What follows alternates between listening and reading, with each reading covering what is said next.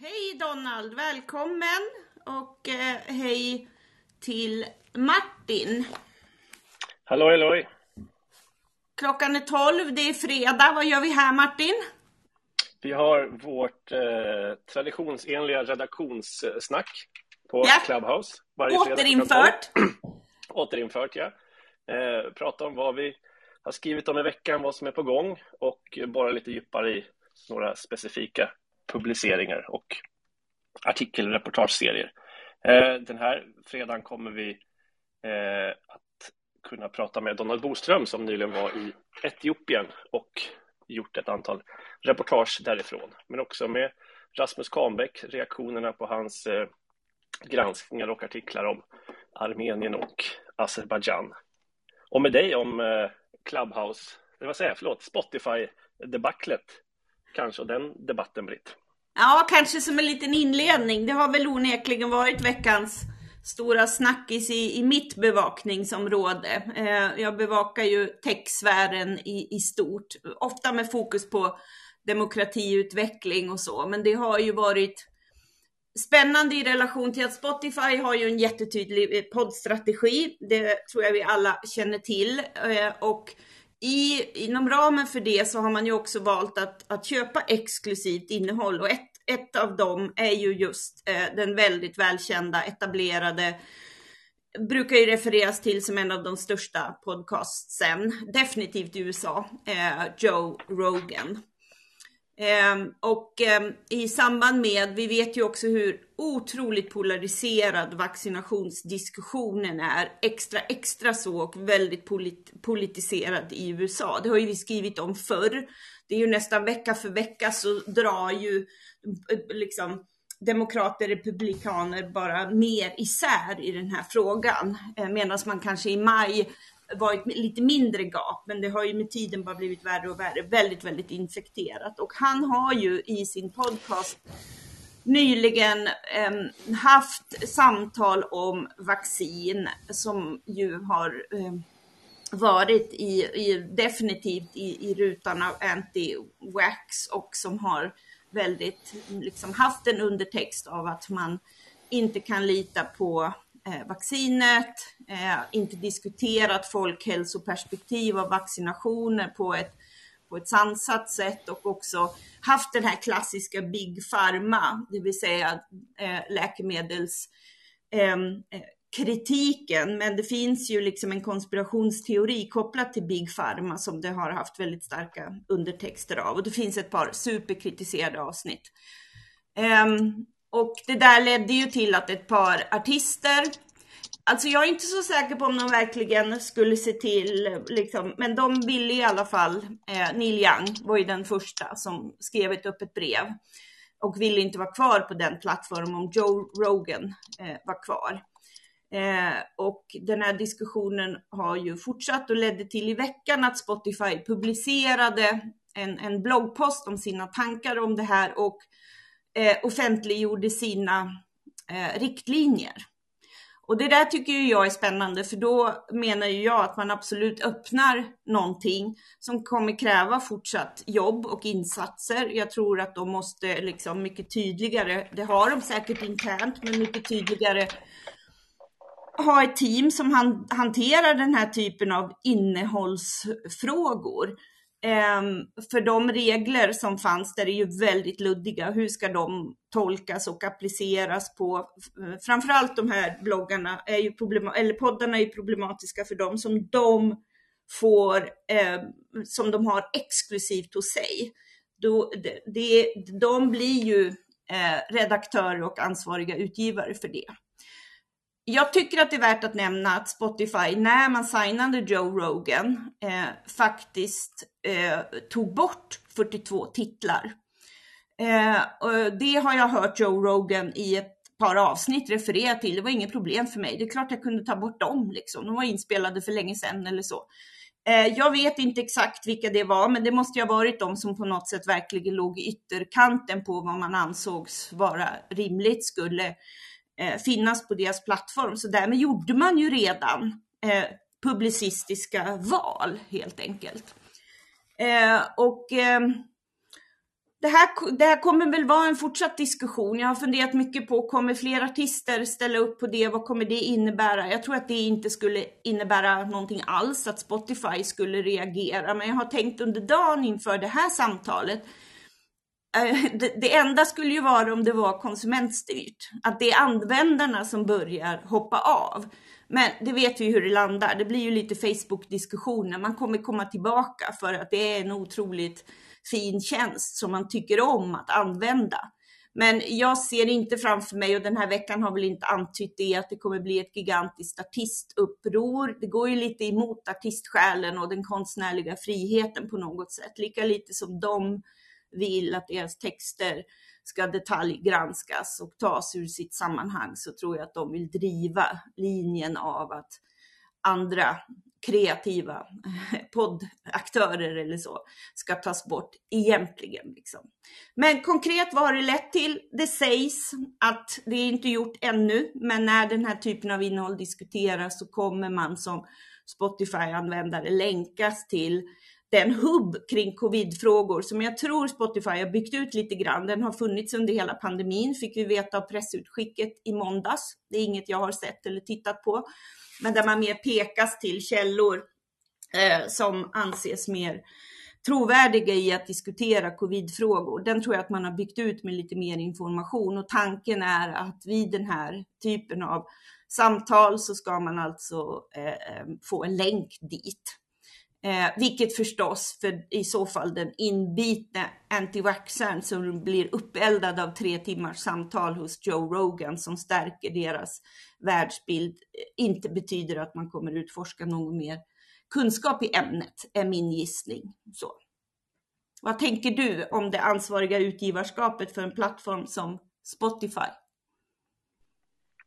Nej, det handlar väl om att bestämma sig. Eh, är de liksom distributörer eller är de ansvarig utgivare? Och där måste de väl själva också bestämma sig. Men det, det går väl mer och mer mot att de måste se sig själva som, som ansvariga för det innehåll de ja, helt Som de explicit har på ja, sin plattform ja, åtminstone. Framförallt ja. det rör sig om något ja. man, man har betalt för, som det är med Joe Rogan. Betalt för att ha på sin plattform, så är det klart att man är ansvarig utgivare. Något annat blir ju, ja, vem annars är ansvarig utgivare då? Eh, det blir ju lustigt. Eh, för er som är nytillkomna så eh, är det här eh, redaktions veckans redaktionssnack hos Blankspot. Vi pratar om vad vi har på gång i veckan och vad vi spanar på.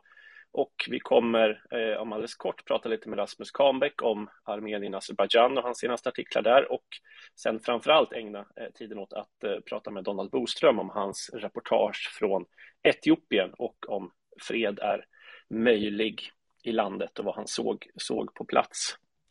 Eh, nej, men jag tänker bara innan vi stänger stänger den diskussionen, Britt, det har ju också fått en, någon form av svensk eh, variant nu efter Spotify och Rogan med Acast och, och Pärleros, eh, mm. lite efter samma, samma tema.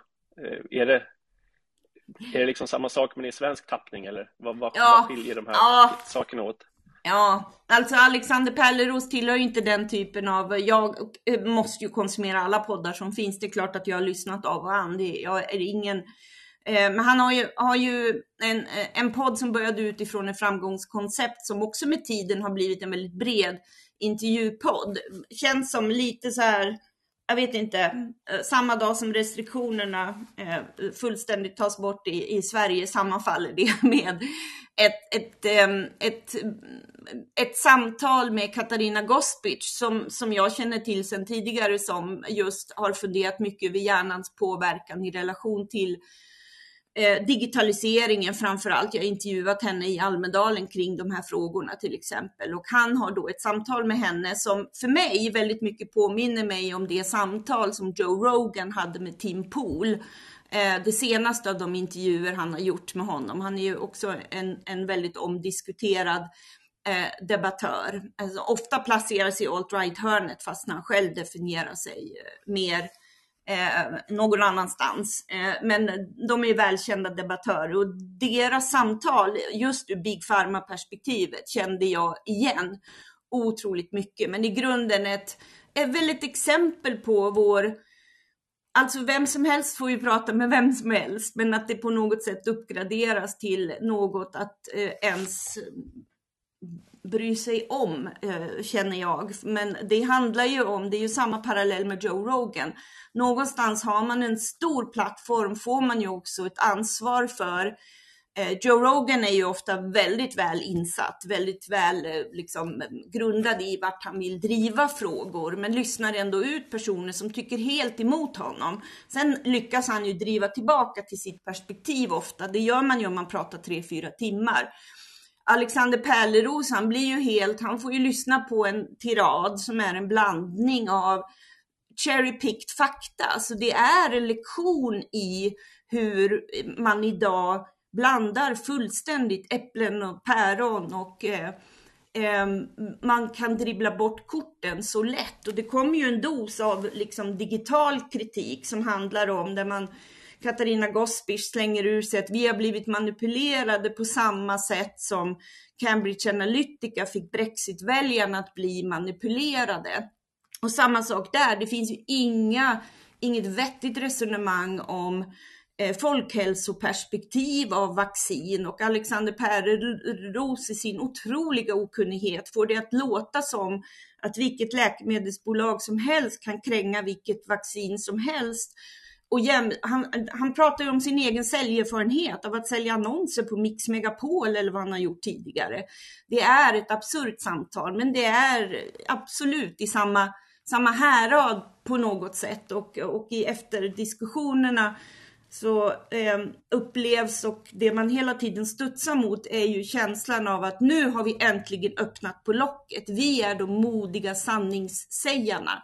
Och den retoriken känner vi ju igen i vår, vår eh, samtid. Eh, jag tror att det, det, viktigaste löfte man kan ge sig till, till sig själv, för jag tror att jag själv har sagt det ibland, det är ju att vi måste prata om det eller det det är en utgångspunkt om att allting tystas ner.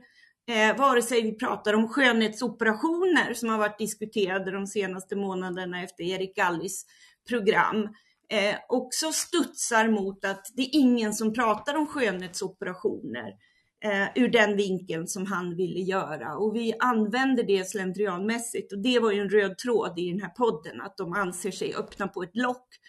Och har man varit någon liksom aktiv mediekonsument de senaste åren så är det här frågor vi har debatterat och frågor om läkemedelsbolagens behov av granskning och vinstintressen, det är ju absolut en fråga som bevakas och ska fortsätta bevakas. Eh, men eh, man blir lätt nyttig idiot åt liksom Big Pharma konspirationsteorierna också och den podden blev ju liksom ett exempel på det och vad som händer när man inte har en mm, kanske publicistisk idé utom att känna att jag är en modig sanningssägare och väldigt anekdotisk bevisföring om eh, konflikter i familjer runt vaccin eller inte. Liksom. Ja, jag blir ju mest eh, nedslagen över hur korkad vår samtid är och jag känner att jag själv är lika korkad emellanåt. Så landar jag. jag tänker från, från din rant det är så lätt att ta till den och säga så här att vi, vi är de enda som skriver om det här eller, eller att ingen annan lyfter på det här. Ett ganska enkelt retoriskt grepp, men som man ju absolut ska väl sluta med. Det finns väl inget värre heller än alltså, journalister på kanske mer traditionella etablerade medier som säger så här, skriver krönikor om varför skriver ingen om det här? Ja, nej, man, vi som är journalister har väl, har ju faktiskt, kan ju faktiskt skriva och rapportera om det vi vill rapportera om. Alltså det är en lat, ja. lat ja. inställning till vår omvärld att använda sig av det frikortet. Liksom. Att inte själv orka göra jobbet men säga att varför, varför rapporterar ingen om det här? Eh, måste få till någon övergång här och det är väl det, är väl det enda vi gör på Blankspot. Vi skriver om och rapporterar om det vi vill rapportera om och något vi vill sätta ljuset på länge har ju eh, också varit vad som händer i våra östra vad som händer öster om oss och det var ju så eh, Rasmus Kahnbäck började rapportera på Blankspot just vad som händer österut och den senaste tiden mer och mer om eh, Armenien, eh, Azerbajdzjan. Och i veckan så verkar det nästan Rasmus som att du fick lite spunk på eh, att bli anklagad för att vara eh, köpt av den armeniska lobbyn med dina granskningar av Azerbajdzjan som ju verkligen har fått ringar på vattnet och som vi pratade om förra veckan med bjudresor som har fått journalister att, att avgå och eh, organisationer att förlora eh, sina statsstöd och så vidare. Men i veckans krönika så sökte du lite svaret på varför, varför kommer den anklagelsen om att, om att vara köpt för att rapportera om vissa, vissa saker? Mm, ja, precis. Tack så mycket. Och ja. eh, bra, bra övergång, det, eh, får jag väl säga. Ja. Eh, jo, men absolut. Det, eh, det, det, här, den här krönikan är ju någonting som jag har tänkt att jag ska skriva ganska länge egentligen. För att en av de sakerna som jag, eh, när jag verkligen intensifierade min bevakning för ett år sedan innan jag åkte till Nagorno-Karabach, eh, stötte in i var just den här eh, konspirationsteorin i framförallt Azerbajdzjan och till viss del i Turkiet om den armeniska lobbyn. Um, och det är en, det är en ganska gammal konspirationsteori som kommer från, eh, från folkmordet eh, mot armenier och kristna i Turkiet 1915-1917 egentligen. Och man, eh, man, man, började eh, skapa den här teorin om att det är en om att det finns en hemlig grupp armenier som försöker störta den turkiska övermakten och det var väl ett sätt att eh, eh, demonisera ett folkslag egentligen, avhumanisera armenier och säga att det här är inte bara det är inte bara människor, det är människor som har väldigt mycket inflytande och pengar som ligger bakom alltihopa. Um, så att eh, när jag stötte in i den, eh, det var när jag faktiskt pratade med, med, med, en, eh, med en person eller in, i Azerbajdzjan för ett år sedan som föreslog att det var den armeniska lobbyn som låg bakom pogromer mot armenier i, i Azerbajdzjan 1988 till 1990. Och teorin gick egentligen ut på att de armenierna som eh, blev lynchade och förföljda i Azerbajdzjan inte hade betalat, eh, betalat pengar till armeniska lobbyn i Ryssland och därför eh, kom de och såg till med sitt inflytande att stora lynchmobbar började jaga armenier. Ehm, och det är ju en ganska så här, när man, när man stöter in en sån konspiration så blir man ju eh, först lite perplex och tänker att ja, det här kan jag inte tro på. Och sedan när jag väl börjar gräva vidare i det, nysta vidare i det, så verkar det finnas eh, en, en ganska stor konspiration kring allt som eh, allt dåligt som händer i Azerbajdzjan kan man alltid skylla på den yttre fienden. I Ryssland så kallar man det idag för de här utländska agenterna. Kanske ni känner till, eller många känner till, att, Ehm, att man har eh, uppfunnit en juridisk term eh, för, eh, för journalister och aktivister som man inte tycker går de, de, den ryska statens ärenden ehm, och har då stämplat dem med de här utländska agenten. Ehm, och, då, och, det innebär helt enkelt att man får en helt annan form av revision på sig och man måste eh, gå till polisen och eh, berätta vad man gör till vardags och man måste skriva en text varje gång man, eh, man publicerar någonting på sociala medier. Men i Azerbajdzjan så är den utländska agenten en armenier och det är mycket mer diffust. Och det är ingen juridisk, juridisk term egentligen, utan det är bara ett sätt att kunna stämpla människor som man anser inte springer eh, statens ärenden. Um, så att när jag väl började följa detta för ett år sedan så upptäckte jag att det här är ju liksom en, det är den här konspirationen eh, som är ganska lik eh, antisemitiska konspirationer eh, egentligen. Ehm, och, ehm, eh, och så intervjuade jag en journalist som berättade att hon hade blivit, eh, fått den stämpeln och eh, det var i samma veva som hon blev eh, kallad för förrädare och nu lever hon i exil eh, och kan inte åka tillbaka till Azerbajdzjan. En annan bloggare har också fått den och eh, nu har även jag fått den här stämpeln eh, av allt vad det tyder på i Azerbajdzjan. Eh, och, och, det är ju en reaktion av de här granskningarna som jag har gjort för Blankspot eh, kring bjudresorna. Ehm, och ehm, det är inte det att de har gått ut i statlig media och sagt att jag är en armenisk lobby, men däremot har det blivit väldigt delat i, i sociala medier utav inte bara de som har blivit granskade och eh, allmänna regimsupportrar, utan även av eh, regimrepresentanter som, som den azerbajdzjanska eh, ambassadören i Sverige.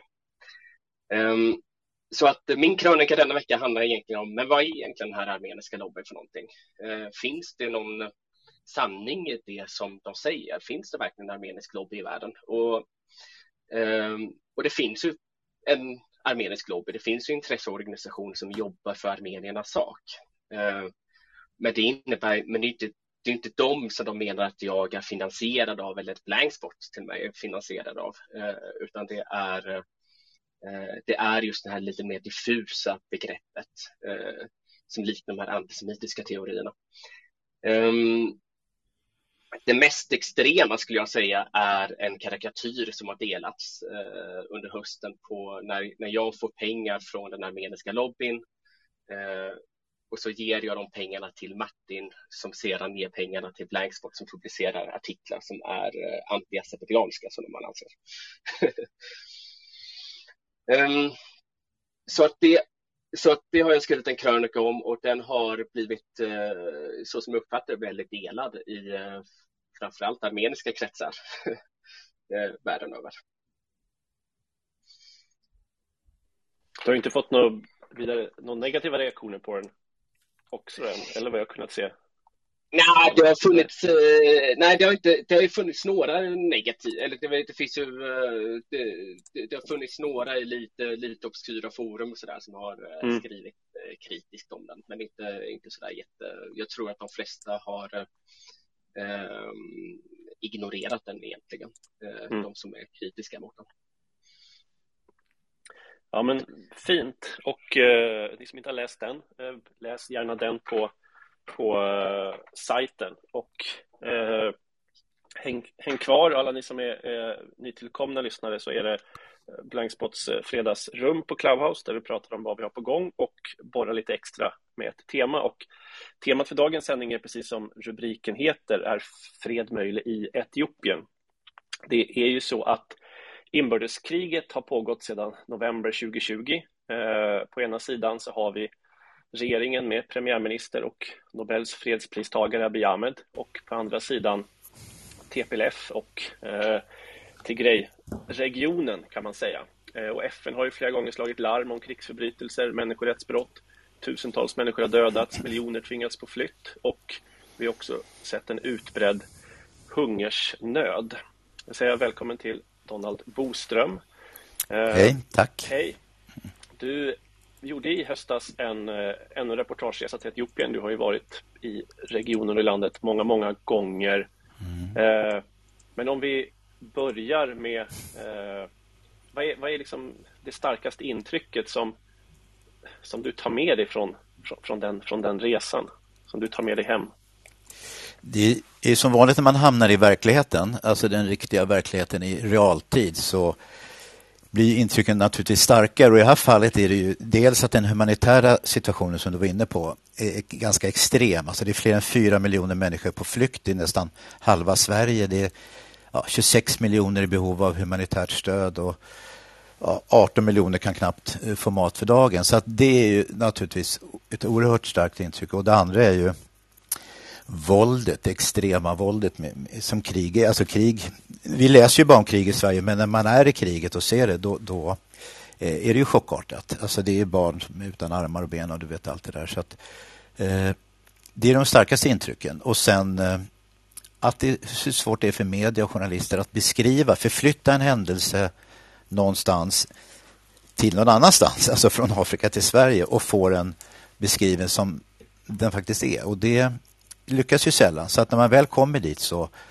så blir det chockartat. Absolut. Mm. Om man tänker på, det finns ju en, som i alla krig, en debatt om vem som sköt det första skottet och, och, och, hur det började. Men om jag läser på, på SVT här så har ju de ändå versioner nu att kriget började då det tigrianska folkets befrielsefront attackerade en etiopisk militärbas i Tigray och sen så inledde regeringsstyrkor en offensiv mot, eh, mot Tigray. Och i början så tog ju då rebellerna kontroll över Mekele eh, och sen genomförde offensiver in i grannregionerna Amar och Afar under den tid som, under sommaren kan man säga. Mm. Och du var ju där strax, strax efteråt. Men även här går ju berättelserna isär över eh, så att säga, antal, antal döda, vem som är ansvarig för vad. Men om man bara liksom backar till den till den frågan. Vad, vad handlar den här konflikten om? Vilka, vilka, är, vilka är aktörerna? Vem är Abiy Ahmed? Vilka är TPLF? Det är en, det är en stor fråga, men, men ja. jag tror någonstans vi, vi, vi får börja, börja i den. Ja, ja, du är inne på rätt sak där. Alltså, i, inte minst i politiska känsliga frågor eller krig och konflikter så det är alltid retorik som gör att man ska vilseledas hit och dit och, och tro hit saker hit. Så det är väldigt svårt att orientera sig i det eh, naturligtvis. Och då är det ju lättare när man faktiskt är på plats och träffar alla de aktörerna. Men, men filtrerar man ner det till så här, vad handlar konflikten om så menar jag att det handlar om eh, dels två saker. Då. Dels TPLFs maktkamp mot centralregeringen, den federala regeringen i Addis. Och det är därför att TPLF hade regeringsmakten i 27 år och förlorade den plötsligt och chockartat. Det hade de inte tänkt på. kan man säga att de förlorade den lagligt kan man ju tillägga. Eh, och de sa redan då ingen fred utan TPLF. Så det är den ena delen, maktkampen från TPLFs sida. Det andra är ju att under sin regeringstid, alltså TPLFs regeringstid i Addis, så ritar de nya kartor eh, för ett stort grej eh, som de faktiskt tryckte. Jag kunde köpa en där man ser att de ville expandera in i ganska stor bit i Eritrea, in i Afar och in i Amhara-områdena. Så att just nu så är det precis just det det handlar om. TPLF försökte då storma Addis och uttalade i en kommuniké att de skulle störta regeringen tillsammans med Oromo. Då. Eh, och eh, samtidigt som man då gick in i Afar, som du också nämnde nu, i Afar och Amhara-områdena för att ja, befästa, ja, följa sin karta helt enkelt som man ritade under. Eh, det är väl huvudskälet till konflikten och aktörerna blir då, följer då följaktligen den här kartan. Alltså det blir Eritrea som där TPLF faktiskt har ockuperat delar av Eritrea sedan ett par decennier faktiskt. Det är också Afar naturligtvis som eh, TPLF tog sig in i Afar och det är Amhara eftersom TPLF har tagit deras områden och naturligtvis centralregeringen. Men också hur det hela egentligen började till att TPLF förlorade makten. Det började faktiskt med en annan grupp som heter Oromo som är den största. Och det började också med TPLFs expansionsiver, att de expanderade in eh, Addisområdena in i Oromo land. Och då för första gången kan man säga att Oromo började protestera. Och det ledde i sin tur så långt så att man fick offra premiärministern för att blidkamma protesterna. Vilket inte hjälpte utan de fortsatte och eh, till slut så blev det en omröstning i parlamentet, nu drar jag det här väldigt kort, eh, för att få en ny premiärminister som också var då, samtidigt var ordförande i koalitionen, den styrande ko koalitionen. USA, Saudi, Emiraten, Eritrea fanns med bakom kulisserna i det här spelet. Och i sista stund, timmarna innan det här skulle ske, så hoppar Amhara-kandidaten av och stödjer Abiy Ahmed. Eh, och då förlorar TPLF makten efter 27 år. Det är snabbresumén. Och då i samma stund drar sig TPLF upp till Tigray och börjar faktiskt planera eh, de här sakerna. Eh, maktkampen mot Abiy och eh, ett stort Tigray. Och det kunde de ju göra med det självförtroendet att de under sina år vid regeringen hade samlat 80 procent av Etiopiens armékapacitet i sin egen provins. Så de hade vapnen. Eh, sen finns det mycket rykten om pengar och så vidare. Så att, och de började omedelbart träna eh, ungdomar i vapenträning. Och nu, du var också inne på det att häromdagen släppte just TPLF en bomb som sa att 300 000 ungdomar i Tigray saknas, använder de ordet. De menar döda.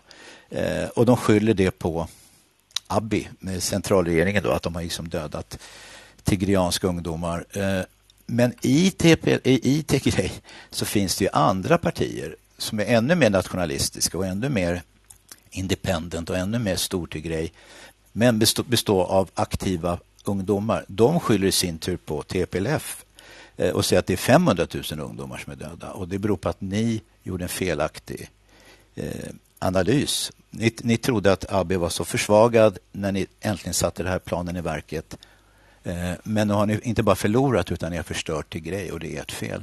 Så att vi kommer komma in på det här med fred sen, men just nu är det kaos och konflikt inne i Tigray också.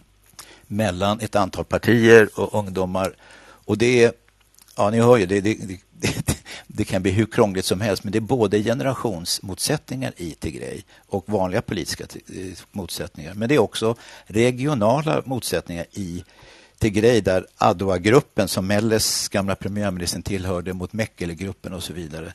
Så hur det slutar eh, vet man inte. Men det, det, är väl just nu huvudaktörerna för att ge ett långt svar.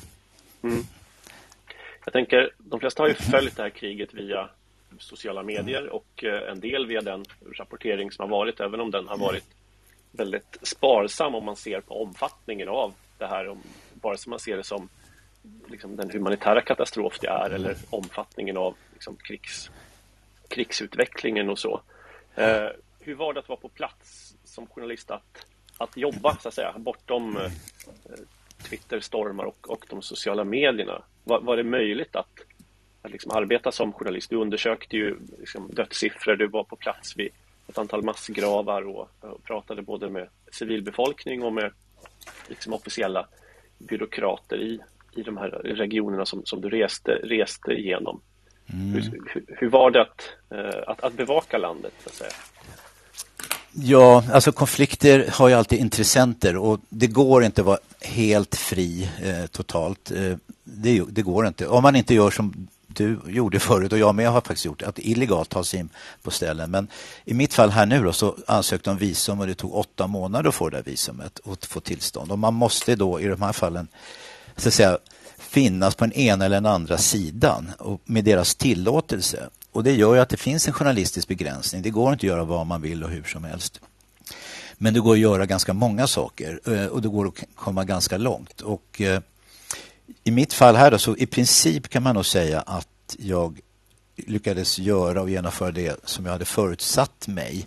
Men å andra sidan kan man säga, hade regeringen, eftersom det var på regeringssidan jag var, Eh, inte tyckt det så hade de ju satt stopp. För man kom till ganska många checkpoints och fick visa upp alla papper. Så att det skulle ju varit lätt att, att sätta stopp. Men så man är i händerna, inte så mycket i händerna som eh, att vara inbäddad som i Irakkriget och sådana saker eller utvald för att komma till Falklandskriget. Så där. Men det finns gränser eh, och man får eh, utgå från det och göra det bästa som går. Och eh, jag som sagt kunde ju ändå till slut göra nästan allt jag vill göra.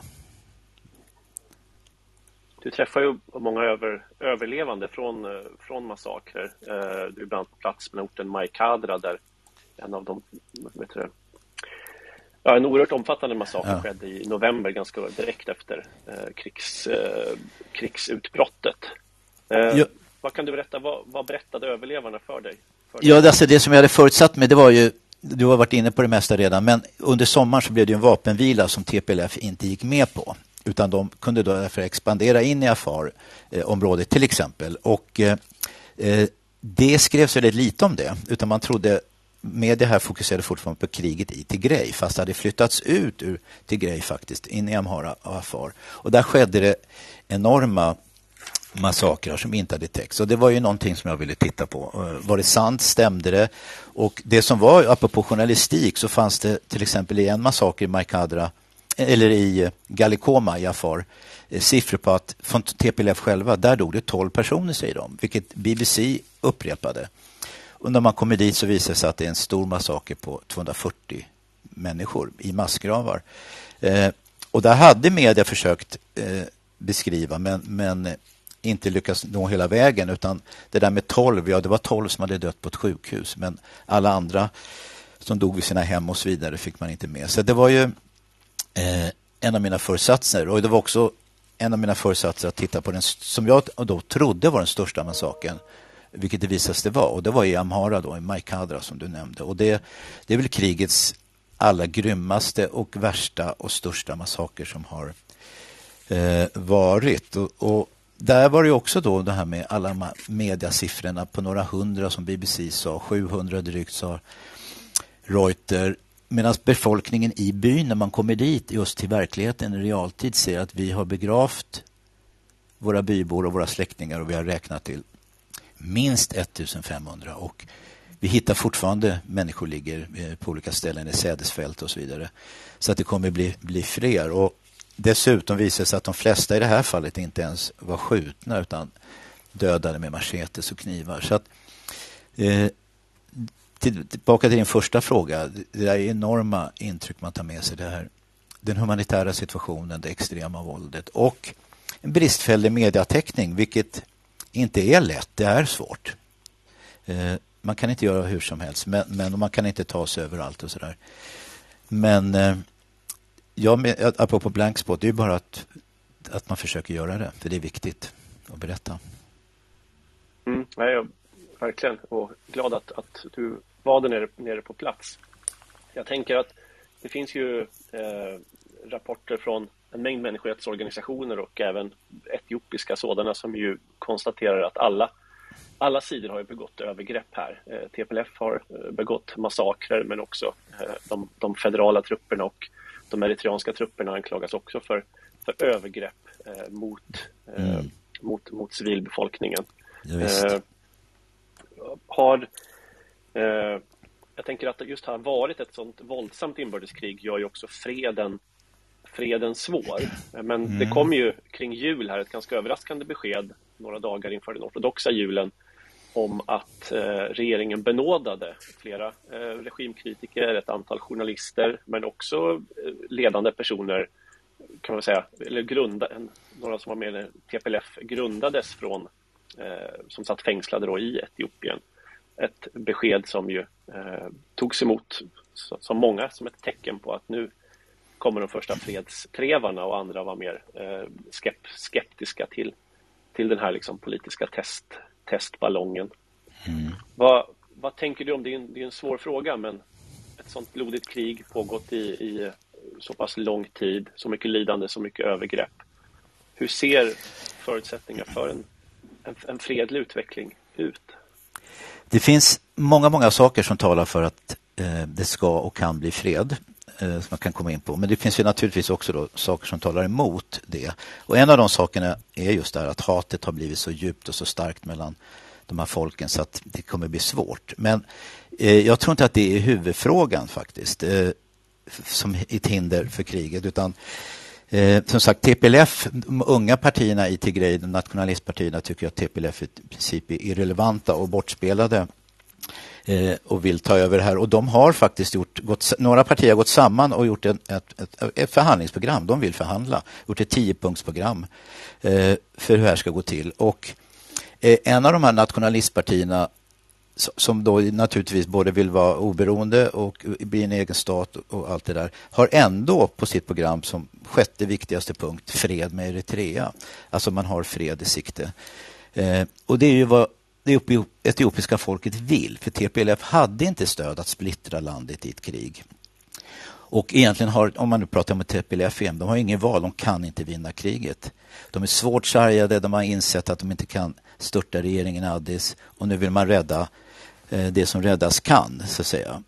Eh, men, eh, ja, och de, stora elefanterna, USA som har svängt fram och tillbaka, vill också att det ska bli fred. Så det finns många saker som talar för fred. Sen är det där med problemen som är emot då. Ett problem är precis just det du sa som vi trodde skulle kunna vara en fredstrevare.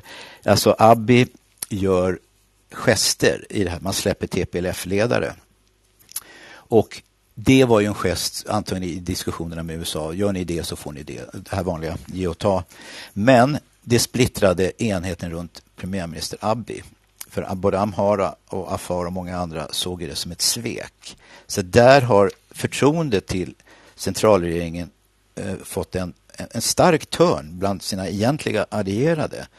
Och hur det landar är svårt att veta för dessutom då har just senaste dagarna och veckan här så har, har tigranska styrkor bombat ja, ett ställe som heter till exempel Abbala i Afar med, med, med artilleri och många döda. En förfärlig så Bara häromdagen också så var Oromo slaktade Amhara-folk eh, som har gjort att Amhara är på krigsstigen. Men, och det där har då försvagat centralregeringen. Men jag tror i långa loppet att eh, eh eftersom så att säga, den etiopiska befolkningen vill hålla ihop. Man stöder inte eh, separatiststrävanden eh, som TPLF och Tigrayfolket har. Övriga Etiopien vill hålla ihop även om det är väldigt starka oberoende kan man säga, eh, federala delar. Då. Eh, så att i långa loppet ser det ändå ut som att det kan bli en fred. vägen dit är svår. Det är massor med motsättningar som sagt, inte minst i Tigray, i Etiopien och globalt i många aktörer.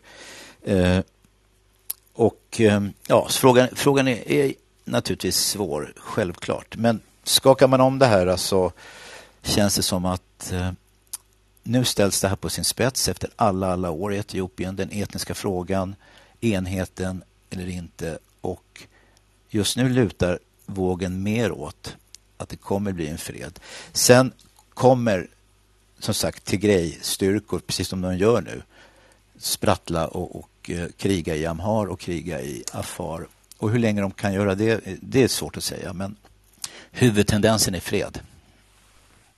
Ibland beskrivs ju den här konflikten som att det är mellan liksom två olika idéer om vad Etiopien ska vara för land. Att å ena sidan så, så framställs ju då Abiy Ahmeds dröm som eh, detta liksom en, ett land, en röst. Alla ska kalla sig etiopier eh, främst. Du ska inte vara Amara, Oromo eller Tigray i första hand utan vi ska liksom alla vara liksom drömmen om ett, om ett stort Etiopien med en nationell identitet. Och å andra sidan då eh, grupper som ju, och, och, partier som menar att nej, tvärtom så ska de här olika delstaterna, om man kan kalla dem så, i Etiopien, deras makt ska stärkas ännu mer. Vi kanske ska ha en konstitution där delstaterna ska ha egna arméer, eh, ha egen, liksom, mycket mer omfattande beslutande rätt.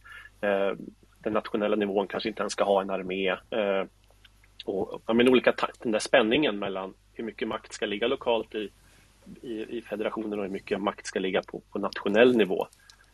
Eh, håller du, är det liksom en är det kärnan i, i det här? Att, så att säga, vad, vad Etiopien ska vara för land eller är det allt för en teoretisk liksom, konstruktion? Nej, jag tycker att det är huvudfrågan. Det, det, alltså, TPLF är ena extremen. De vill ha, ja, sen de bildades 1975 så hade de det. Vi vill bli en egen stat. Vi är separatister. Eh, det är ena delen. Och sen till Amhara som är raka motsatsen som du beskrev nu så som Etiopien alltid har varit. Ett land, en enhet jagar etiopier. Eh, och däremellan finns då den tredje linjen just nu och det är ju framförallt Oromo och många andra som vill bli egna etniska eh, federala delar men väldigt starka med representation i centralregeringen men med ändå med en egen regering. Eh, huruvida de sen ska ha arméer själva och så, det där har de inte diskuterat så länge, men det är väl där, om man nu bara ska gå och hoppa vidare, så är det väl där det kommer landa faktiskt. Ett land, en enhet, men bestående av stark, en stark federation med egna stater. Egentligen, jag kommer ihåg när jag pratade med Oromo-företrädare så sa jag, har ni menar rasuppdelning? Och då sa de nej, nej, nej, då, de vill kalla det för nations eller etniska uppdelningar, men framförallt nations, alltså nationer utifrån de etniska gränserna. Och då blir det här paradoxen som har varit nu att är man amhara som bor i Rom, ja, då får man inte rösta där. Så att det finns många detaljfrågor i det där. Men det är, är igen då så är det väl det som är så att säga, huvudlinjen att landa. Sen kan man på den negativa sidan säga att retoriken senaste dagarna från folk runt centralregeringen, inte av Abiy själv men av arméfolk och så här, det är att man absolut inte vill förhandla. Eh, och det har att göra i och för sig med den här pressen från Amhara för nu har ni släppt TPLF-ledare, nu har ni gjort det och det och massa eftergifter. Nu kan ni inte hålla på och förhandla bort ännu mer.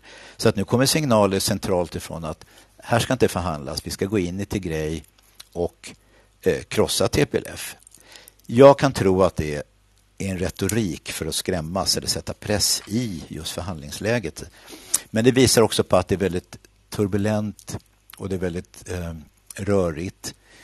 Men eh, jag tror det landar precis där du sa Martin. Det kommer bli starka etniska, en stark etnisk federation.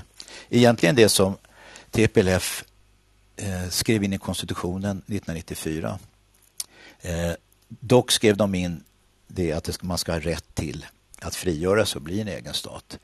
Men det har de inte stöd av utan det, jag tror det stannar vid en stark federal stat i slutändan. Mm de här förhandlingarna som nu pågår får man anta. Eh, vad vet man om dem? Alltså vilka, vilka krav tror du att, att, att nu blir det ju att spekulera lite här, men ja. eh, jag tänker, vi, vad, är, vad är stötestenarna för från TPLF har man ju sett att ja, all federal trupp ska lämna till Gray, all eritreansk trupp framförallt ska lämna ja. till Gray. Mm. Eh, och från eh, liksom den federala sidan så vill man ju att alla lägger ner, eh, lägger ner sina vapen, upphör med sina liksom, stridshandlingar och drar sig tillbaks till Tigrays eh, gränser. Men hur... Ja, vad... vad ja, alltså de har ju... Från de förhandlingarna och vilka, vilka är eh, så att säga, de, de, de största hindren? Eh, man vet väldigt lite från förhandlingarna naturligtvis och där är ju USA en, en central aktör. Man ser de här indirekta, man ser som sagt att Abiy släpper TPLF-ledare ur fängelse och benådar och sådär. Då förstår man att ja, det är en indirekt reaktion på en förhandling. Alltså så här, gör det och, och, så vidare. Men sen finns ju då TP, eller Tigray-listan med att ah, inte, inte bara Eritrea ska dra tillbaka sina styrkor utan eh, Amhara ska dra tillbaka sina styrkor. Eh, Etiopien ska dra bak sina styrkor. Eh, reclaim the territories of Tigray, restore the sovereignty of Tigray. Ja, full självbestämmande eh, med ett referendum att man ska få, alltså, precis som Eritrea faktiskt gjorde. Eh, man folkomröstade, vill vi vara självständiga från Etiopien eller inte? Det är ett av kraven. Då. Eh, och, så, ja, och så vidare. Så att listan är Eh, ganska lång det här med att starta en inkluderande dialog i en förhandlingsprocess. Men det är de signalerna nu som kommer centralt ifrån att nej, det tänker vi inte göra. Så det, det känns mer som att Abiy förhandlar med USA och USA har möten med, med Tigray-folket, TPLF framförallt, men även de andra. Så att det är en slags indirekt förhandling. Men det är ett spel och vi får veta, alltså din fråga var ju egentligen vad vet man? Och då vet man alltså egentligen nästan ingenting mer än vad parterna vill. Men hur förhandlingarna går eh, vet, vet, man inte. Men man vet också att TPLF är sargat och försvagat och eh, har inte mycket att sätta emot i det här läget utan de får väldigt mycket lita på amerikansk support för att få igenom sina krav som då har en geopolitisk intresse av vilken aktör som sitter vid makten och stabilitet i, på Afrikas horn och sådana saker. Eh, ja. Mm. Jag tänker för bara, det är inte många månader sedan ändå som eh, svenska UD, tror jag också, ambassaden i Addis uppmanade alla svenskar att lämna landet. Eh, också flera andra europeiska stater uppmanade sina medborgare att lämna. CNN körde rubriken att eh, rebellerna är precis utanför huvudstadens portar. Eh, Abis dagar var, var räknade. Eh, det var ändå narrativet för inte så länge sedan. Ja. Eh, hur, hur kommer det sig att alla hade så fel? Eller, eller var, var det de facto så att eh, den federala regeringen hade förlorat på, på, på slagfältet? Eller hur? Det, det verkar som en oerhörd eh, snabb ja. kantring av konflikten till att nu befinna sig då i fredsförhandlingar och bara för några månader sedan skulle man ta över landet och utländska medborgare uppmanades lämna. Ja, det, det, där är en väldigt intressant fråga. Jag har nämligen funderat just på det och det har, tror jag har sin början med att USA plötsligt började stödja TPLF eh, direkt i kriget. Alltså Abiy och regeringen, den federala regeringen tog initiativet och vann ganska snabbt ganska mycket inledningsvis. Tills USA gick in och förbjöd eh, Emiraten att låna ut drönare till Abiy och då vände, kan man nästan säga, det vände kriget till TPLFs fördel. Så att det blev någon slags sån här, inte vet jag, man trodde att USA ledde det här och så trodde man att den amerikanska retoriken var den som stämde. Och det skulle den kunna ha gjort faktiskt, men det som då hände det var ju att ja, man säger 2, 3, 400 000 ungdomar sattes i snabbträning på, på regeringssidan under tre månader och som sattes in mot de framstormande TPLF-styrkorna som sagt, som du sa, snart norr om Addis portar. Men de nådde 20 mil i alla fall norr om Addis portar. Eh, och då var det bara det att TPLF har inte sån, den massan eller styrkan eller storleken att de kan så att säga stretcha ut sig från sin provins ända ner till Addis utan de tappade ju så att säga bakkant. Och där började de då, redan då förlora de städer de hade erövrat. Plus att de här nyrekryterade ungdomarna på regeringssidan slog tillbaka TPLF ganska starkt. Så att jag tror media dels gick på amerikanska uppgifter och retorik och det så trodde man, man visste ju inte om de här nyrekryteringarna, att det skulle kunna gått eh, ända fram. Eh, men det gjorde de inte. Men, men väldigt få var på marken, väldigt få var i verkligheten.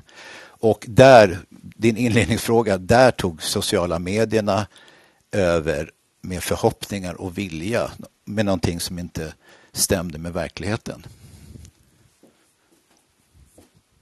Hör du mig? Ja, det är, ja, det är superintressant. Eh, mm. Jag tänker att om vi börjar nå slutet av denna eh, fredagssändning mm. och vi pratar med Donald Boström om hans reportageintryck från Etiopien och möjligheterna till fred.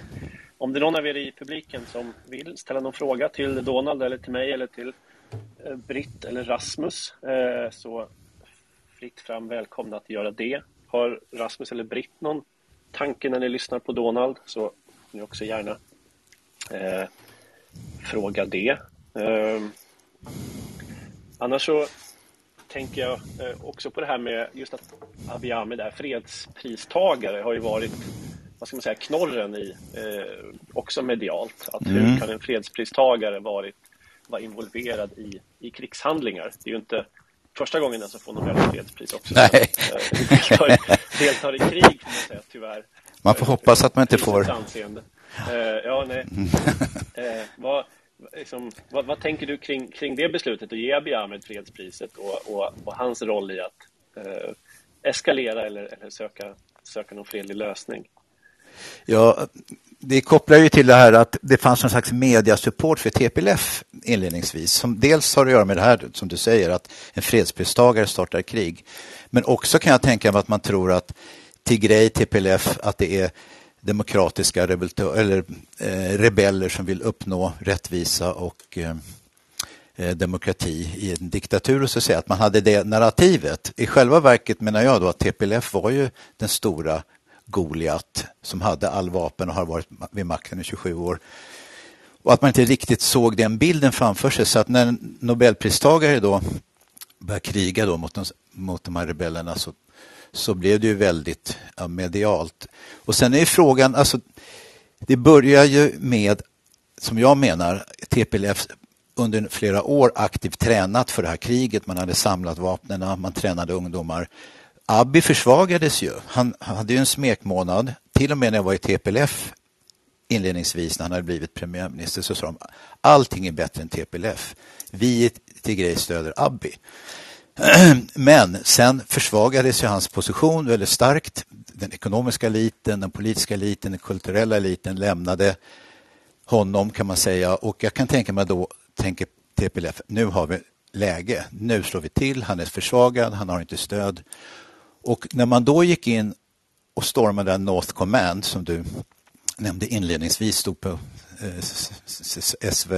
SVTs sidor så var det inte bara att man stormade en militäranläggning utan man hade ihjäl hundratals av regeringsstyrkornas officerare, generaler och överstar. Man dödade tusentals av soldaterna och man tog enorma mängder vapen, alltså långdistansrobotar och sådär. Och den bilden har man inte. Men i det läget när det hände i början på november så beslutade parlamentet.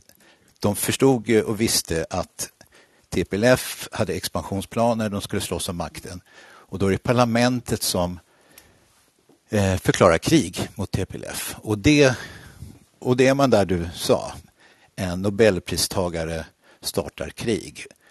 Och det är klart att han får negativ press för det. Naturligtvis. Mm. Jag såg norska Nobelkommittén har ju varit väldigt eh, tyst men ja. gick väl här nu ganska nyligen ändå ut med att de menar att då 2018 så står de fast vid sitt beslut. Det var rätt att ge eh, Abiy Ahmed priset ja. och sen så tryckte de på att han har ett oerhört stort ansvar för att det här nu löses, eh, ja. löses fredligt. Ja, och sen uh, gjorde han givetvis massa klantigheter under tiden i Tigray. Alltså som sagt, det här med sexuellt våld har ju inte bara TPLF använt sig av, så säga, utan det gjorde även etiopiska styrkor. Ja, det finns mycket där man kan rota i där han har gjort misstag och fortfarande gör misstag. Och det var ju därför han förlorade stöd i början. Man ansåg honom eh, barnslig, oerfaren, ingen ledare och sådär. Eh, så att, eh, men jag tror att bilden var från början, alltså i sociala medier, att, att det var Ambi som så att säga startade kriget. Mm. Eh, och det var det inte. Men, men eh, han har begått en mängd misstag naturligtvis som har försvårat och förvärrat det här. Eh, mm. självklart har han ett huvudansvar. Men som sagt, just nu de här dagarna så kommer det väldigt dålig retorik centralt ifrån att här ska inte förhandlas. Men det kan just vara krigsretorik. Och under eh, bakom kulisserna så pågår det då eh, förhandlingar. Och då, då hänger det just på styrkeförhållandena. Hur mycket kan TPLF backa utifrån sina krav på självständighet och sådär. Mm.